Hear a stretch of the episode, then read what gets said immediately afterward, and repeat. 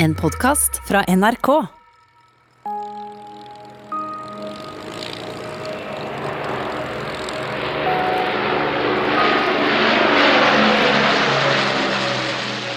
Etter at norske sabotører sprenger tungtvannsanlegget på Rjukan, starter produksjonen opp igjen i løpet av skuffende kort tid. Som en festning i stål og betong reiser fabrikken seg midt i fjellveggen. Nazi-Tyskland trenger norsk tungtvann for å utvikle atombomber. Ich brauche 5000 Kilo. and the heavy water room right at the bottom, there. De allierte må gjøre noe. Hitler får nå mer tungtvann fra Rjukan enn noensinne. Jeg heter Kjetil Saugestad og har laga serien Tungtvannsaksjonene. Dette er del fire bomber over Rjukan.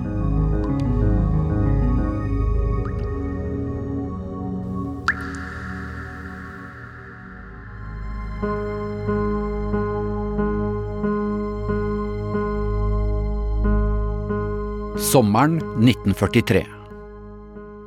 Aksjonen på Rjukan har vært en stor oppmuntring, en heltedåd hvor sabotører har klart å ramme Nazi-Tyskland i okkupert område.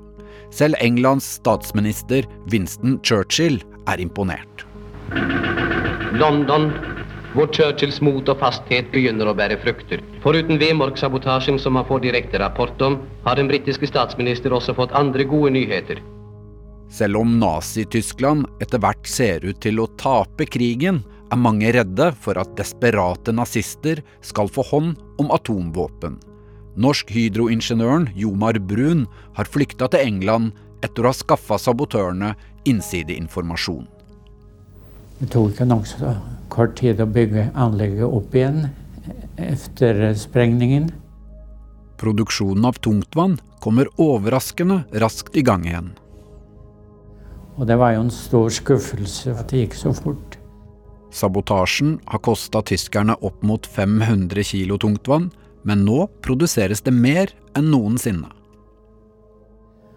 Og det er leit Jeg har liggende kopi av et brev som øh, tyskerne sendte til Hydro, hvor de takket for den raske gjenoppbygging av tungtvannsanlegget etter sprengningen. Norske myndigheter vil nå satse på nye sabotasjeaksjoner. De vil ha minst mulig ødeleggelser og er redde for at sivile skal bli drept. London får etter hvert meldinger om at en stor tungtvannsbeholdning samles opp på Vemork. De allierte bestemmer seg for å bombe uten at den norske regjeringen er enig. Amerika tar mer og mer aktiv del i krigføringen. 80 bombefly blir sendt ut med kurs mot Norge.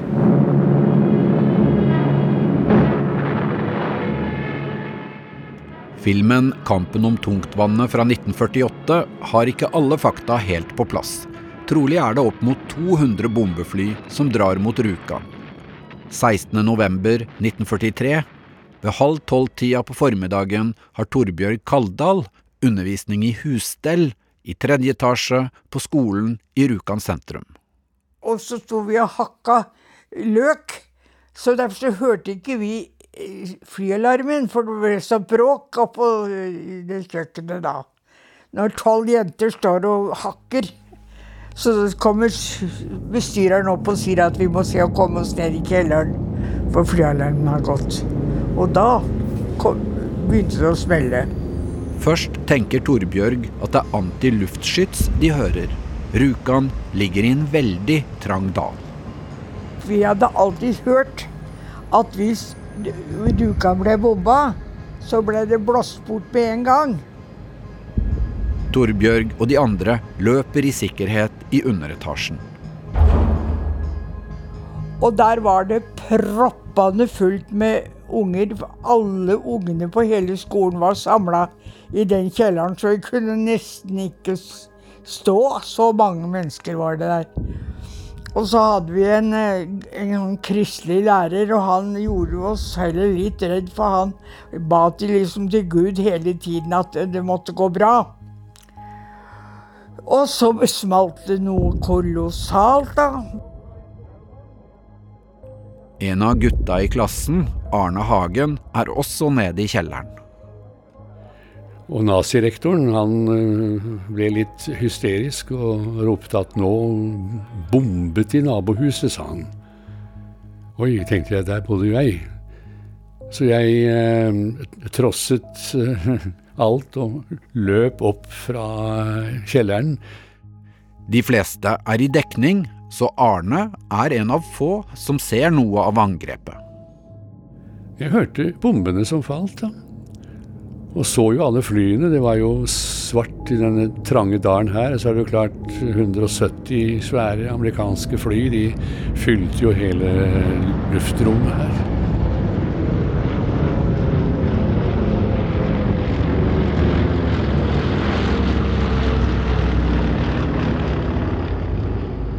I den smale dalen er det spent opp vaiere på tvers for å hindre at fiendtlige bombefly kan komme inn i lav høyde. De kom jo i bølger over dalen og slapp bombelasten sin. Og så forsvant de igjen.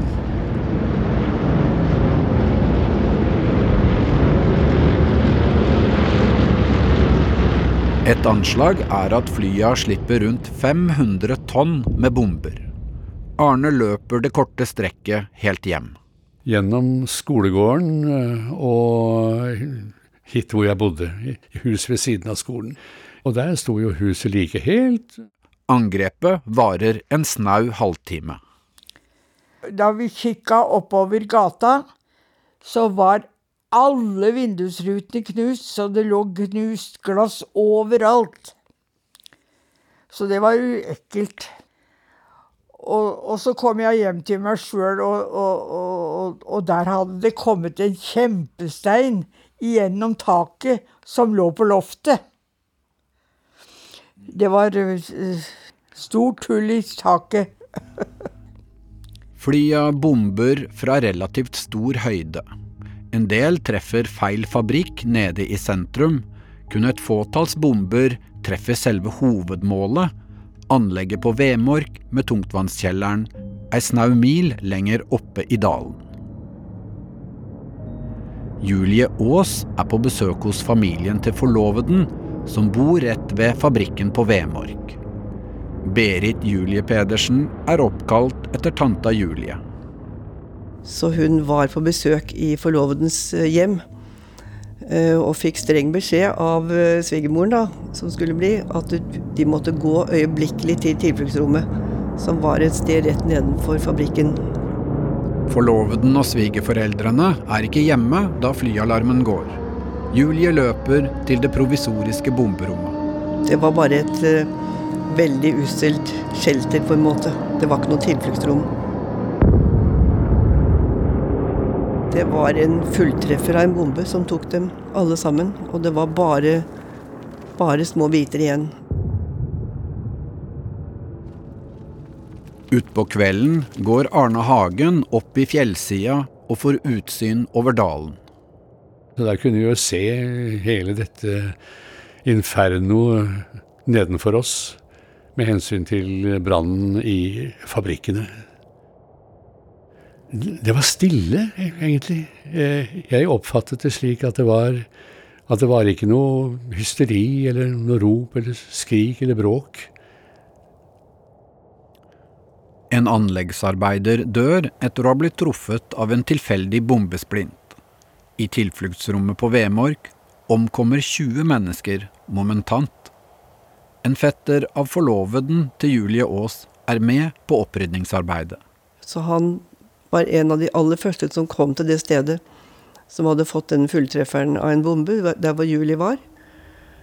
Og han sa jeg kunne jo ikke kjenne igjen noe av de menneskene som var der. Men jeg fant støvlettene til Julie, sa han. Jeg kjente Julie, og jeg visste at det var hennes støvletter. Jeg, jeg ser det for meg når som helst, sa han.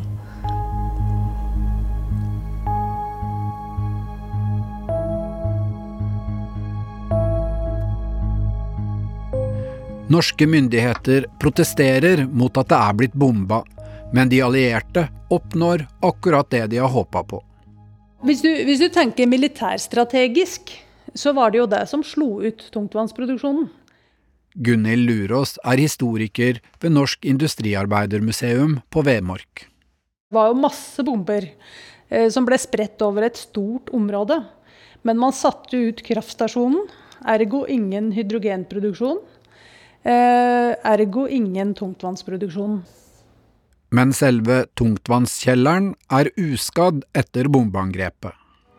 Kontaktmannen ingeniør Sørli har nå fått nyss om at tyskerne omgås med nye planer. Jeg har nettopp fått greie på at tyskerne har gitt opp hele tungtvannsproduksjonen på Vemork. Nå vil de flytte all beholdningen og alle apparatene nedover til Tyskland.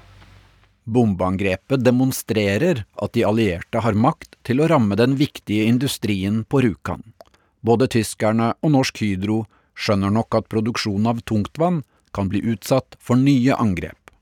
Etter bombingen så blir tungtvannsproduksjonen innstilt for godt under krigen. Da blir det beslutta å sende det som er igjen av tungtvann på Vemork, pluss da eh, produksjonsutstyret skulle sendes til Tyskland fordi man skulle fortsette tungtvannsproduksjonen i Tyskland. De allierte vil hindre at tungtvannet kommer fram til Det tredje riket. I Rjukan-området er det bare én opptrent Kompani Linge-sabotør tilgjengelig. Knut Haukeli har drevet med ulikt motstandsarbeid siden han var med på å sprenge tungtvannsanlegget året før, og han starter planlegging av ny aksjon. Tungtvannsanlegget og hele beholdningen skal føres til Tyskland neste uke. Stopp. Tog, mel, ferje Tinnose, utskipningshavn Skien. Stopp. Ferja eneste svake ledd, men senking ferja vil koste norske liv. Stopp.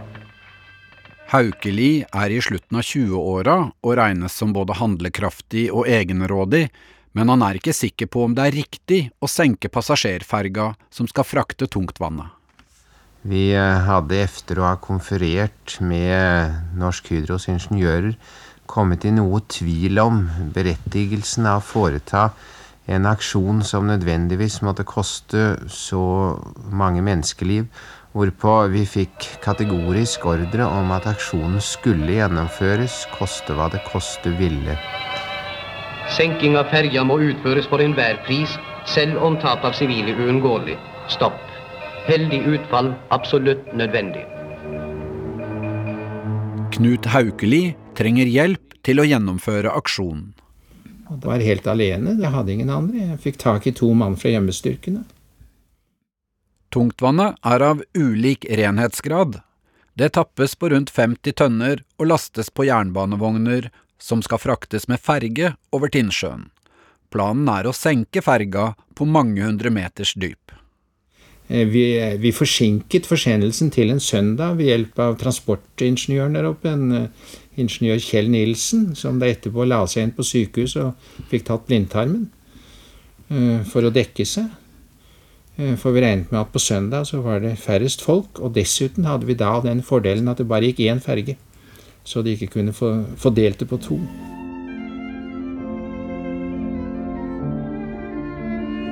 Det er lørdag kveld, 19. februar 1944. I Rjukanhusets store sal er det Beethoven-konsert med solofiolinist Arvid Fladmo. Og så var jeg da på Rjukan for å spille en, en Beethoven-aften sammen med Kristoffer Kleive, organisten der oppe. Arne Hagen er egentlig for ung til å komme inn. Men jeg fikk låne slipset til far, og så var jeg jo ble jo 14 år etter hvert. Så jeg, jeg tok sjansen på å komme på konserten, og, det, og der var jeg der og fikk høre Vårsonaten av Beethoven, spilt av Fladmo og Kleive. Samtidig sniker tre sabotører seg fram mot fergekaia ved Mel. Vi gikk ned lien, også over veien, og klippet oss gjennom den porten. Satte den på gløtt, og så forsvant over imot fergen. I siste liten har den lokale motstandsmannen Knut Lier Hansen blitt bedt om å være med. Var det ikke noen tyske vakter her, da? Nei, de var på fest i annen etasje i den stasjonsbygningen. Så de hørte ingenting, altså? Så de hørte ingenting, så vi hadde helt fritt leide.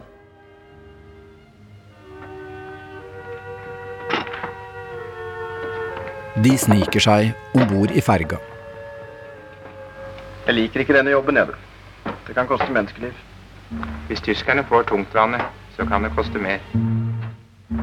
Knut Haukeli har på forhånd bygd ei tennmekanisme av to vekkerklokker. Nokså komplisert, eh, forholdsvis komplisert tennmekanisme. De har med ei sprengladning på drøyt åtte kilo, forma som ei pølse. Vi kunne ikke bruke de tennmekanismene vi hadde fått fra England. Vi måtte lage dem selv. Lunta. Knut Haukeli og Rolf Sørli åler seg fram nede ved kjølen. De er ferdige rundt klokka tre på natta. Da fikk vi da lagt denne ladningen om bord. På vei ut blir de oppdaga av en av det norske fergemannskapet. Spillefilmen fra 1948 har gjenskapt øyeblikket. Jøssen.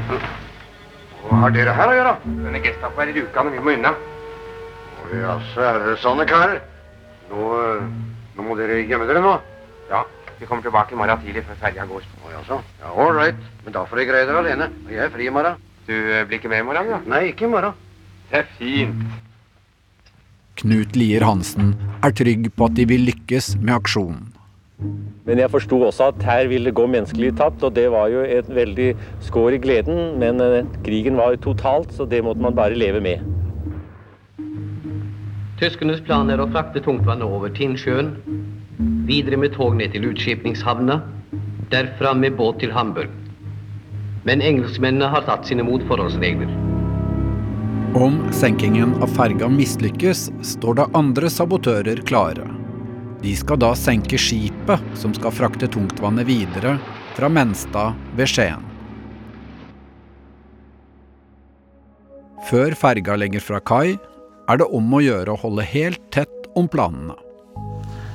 Eh, Den ene unntagelse var eh, mor til eh, Syverstad, som skulle reise med fergen den dagen. En av medhjelperne som sabotørene har på Vemorkfabrikken, Gunnar Syverstad, vet at mora har billett til ferga. Og han spurte hva han skulle gjøre. Han fikk da beskjed av meg at han fikk holde sin mor hjemme, om nødvendig da ta og låse sin mor inne, så hun ikke fikk kontakt med andre personer. Søndag morgen 20. februar 1944. Fire år gamle Kari Hansen er hjemme i Sam Eides gate på Rjukan. Mor hadde vel vært eh, på ortskommandantur og søkt om å få reise til Fredrikstad i sin mors 80-årsdag. De får tillatelse til å reise, og alt er klart. De billettene som vi skulle ha, de lå i et bestemt fat på skjenken inne i stua. Kari gleder seg til å dra på besøk til besteforeldrene. Så sitter vi og spiser frokost, og under frokosten så sier mor det at vi skal ikke reise i dag, sier hun. Å, skal vi ikke reise i dag?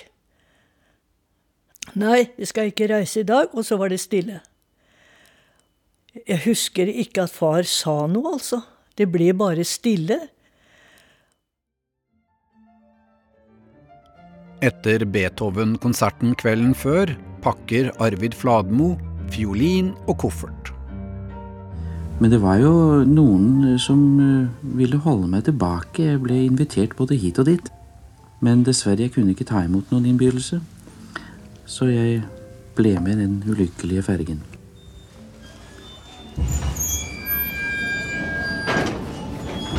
Nesten ett år etter sprengingen av tungtvannskjelleren på Vemork legger ferga Hydro ut på Tinnsjøen, lasta med 49 tønner tungtvann i jernbanevogner.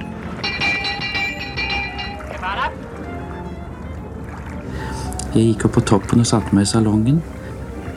Gledet meg til turen.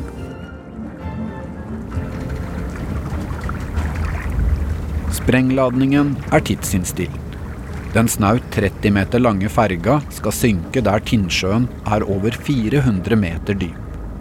Ferga må gå rett til bunns, slik at lasten ikke kan reddes.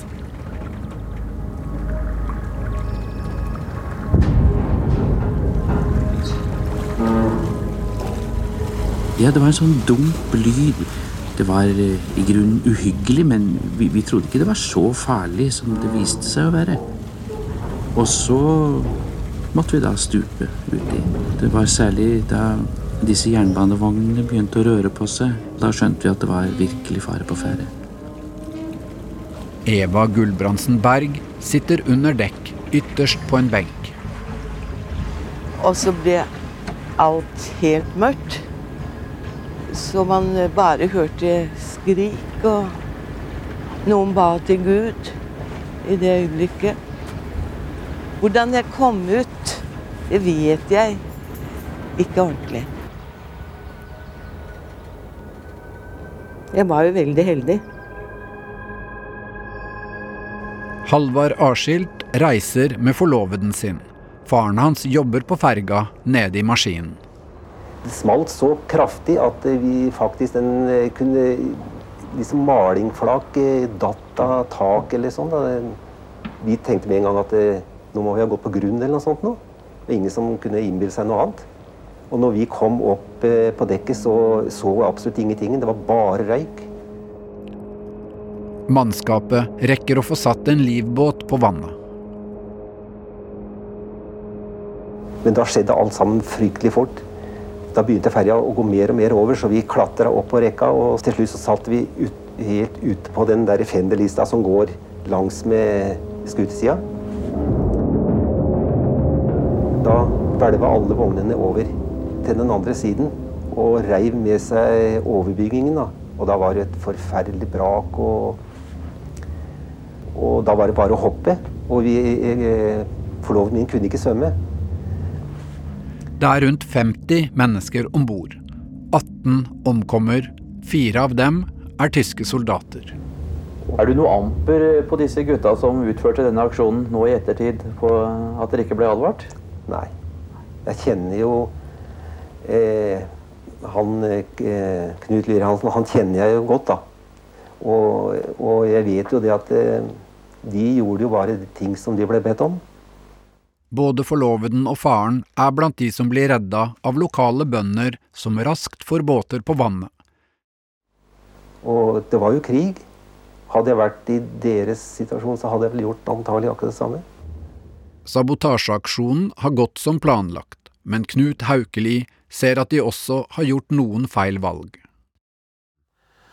Da la vi dessverre, viste det seg, sprengstoffet på grunn den gale siden av båten. Vi la den på, på babords side, hvor da lysledninger og dampledninger gikk. Og dette førte til en litt større panikk om bord enn det som kanskje ville ha vært tilfellet hvis vi hadde lagt sprengstoff på den andre siden, men vi visste ikke dette. Torbjørg Kaldal er en av mange på Rjukan som kjenner noen av de som omkommer. Jeg kjente annet en jente som var speiderlederen min. Hun skulle, hun skulle til Notodden og kjøpe seg konfirmasjonsutstyr, og så drukna hun der. Og det var fryktelig, syns jeg, at hun ble borte.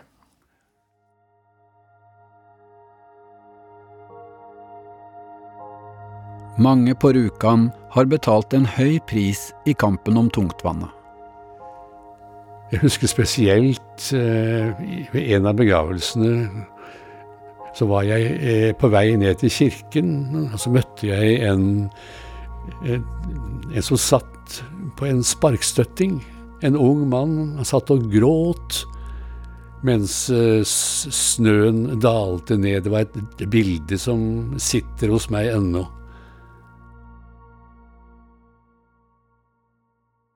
Bare noen dager etter skipstragedien reiser Kari Hansen og foreldrene med den andre ferga som går på Tinnsjøen. Jeg husker at båten stoppa, og, og det var blomsterkranser som ble kasta på vannet. Mora ville aldri snakke om hvorfor de ikke var blitt med ferga som sank. Nei, hun ville ikke snakke om det. Absolutt ikke. Nektet å snakke om det.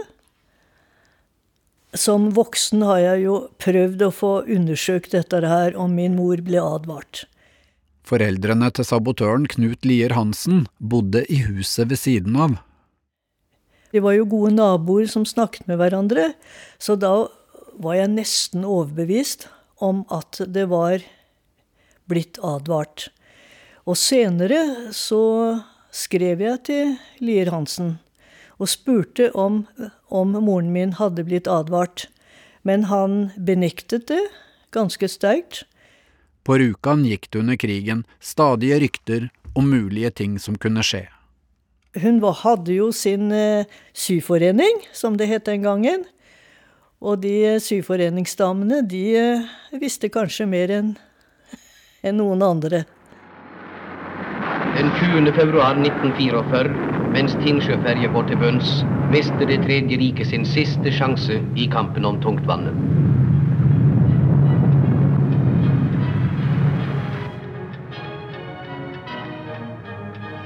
Filmen fra 1948 beskriver det vel enkelt og patriotisk. Virkeligheten er mer vanskelig å forstå. Det er rart at tyskerne ikke passa bedre på transporten. Historiker Gunhild Lurås. Det er jo et av de store spørsmåla, dette. Hvorfor var det ikke vakt om bord her? Eller vakt på den forsendelsen.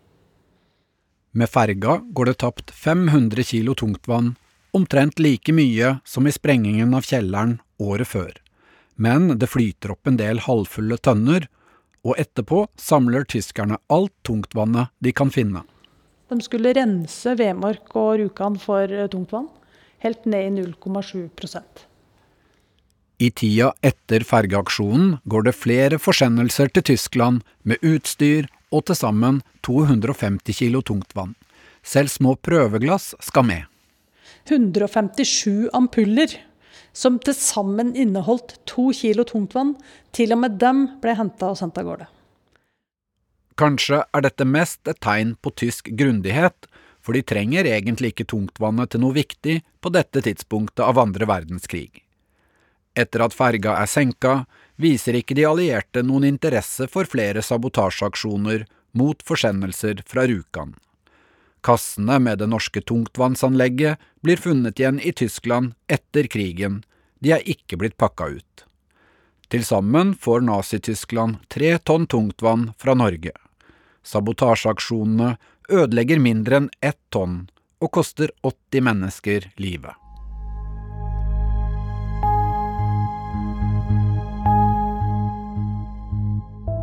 Nå når Norge er fritt igjen, og vi har fått vite hva angrepet gjaldt den gangen i 43, fylles en med rare tanker. En slås ved hvor krig er sjanser. Da sabotasjeaksjonen mot tungtvannet blir satt i gang, har Nazi-Tyskland i praksis allerede gitt opp planene om å lage atombomber. Men det kunne ikke de allierte vite. Tanken på at Hitler skulle få atomvåpen, var en enorm trussel. Ærbødig minnes en de engelske soldater som frivillig meldte seg for oppgaven. I den første tungtvannsaksjonen, Operasjon Freshman med glidefly, dør 41 britiske soldater.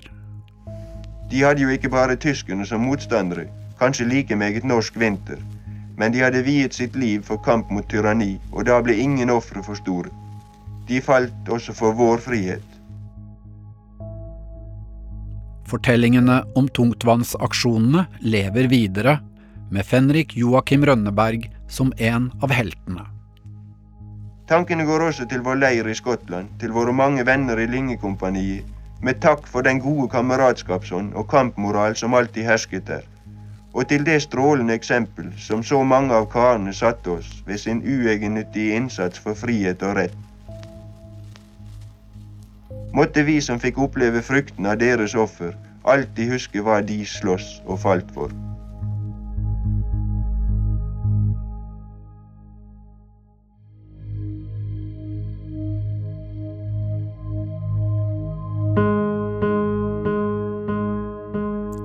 Du har hørt fjerde del av serien Tungtvannsaksjonene, som jeg har laga, og jeg heter Kjetil Saugestad. Lyddesigner det har vært Kjetil Hansen. Produsent Line Alsaker. Arkivresearch Beate Riser. Og redaksjonssjef Siril Heierdal. Den spesialkomponerte musikken er laga av JF Allum.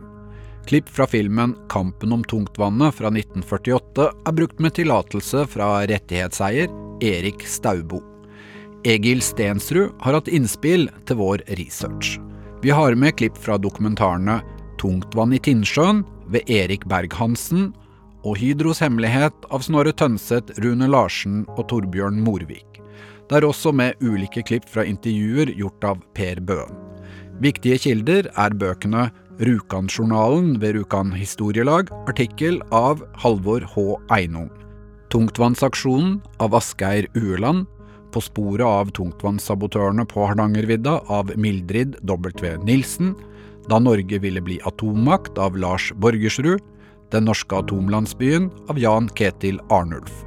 Joakim Rønnebergs radiorapport i NRK fra 1945 har vært med oss hele serien. Kontakt oss gjerne på e-post hele historien krøllalfa nrk.no. Du har hørt en podkast fra NRK. De nyeste episodene og alle radiokanalene hører du i appen NRK Radio. En podkast fra NRK. Føler meg så jævla feminin. Jeg heter Mathias og er født biologisk kvinne. Han ser på meg og tenker er det en gutt eller jente. Jeg har litt uh, angst for det spørsmålet. Hun flørta med meg som at jeg var en fyr. Faen. Nå er jeg nødt til å fortelle henne at jeg er trans. Jeg er bare dritredd for at hun skal ikke like det så mye at det er en jentekropp. Penis i posten hører du først i appen NRK Radio.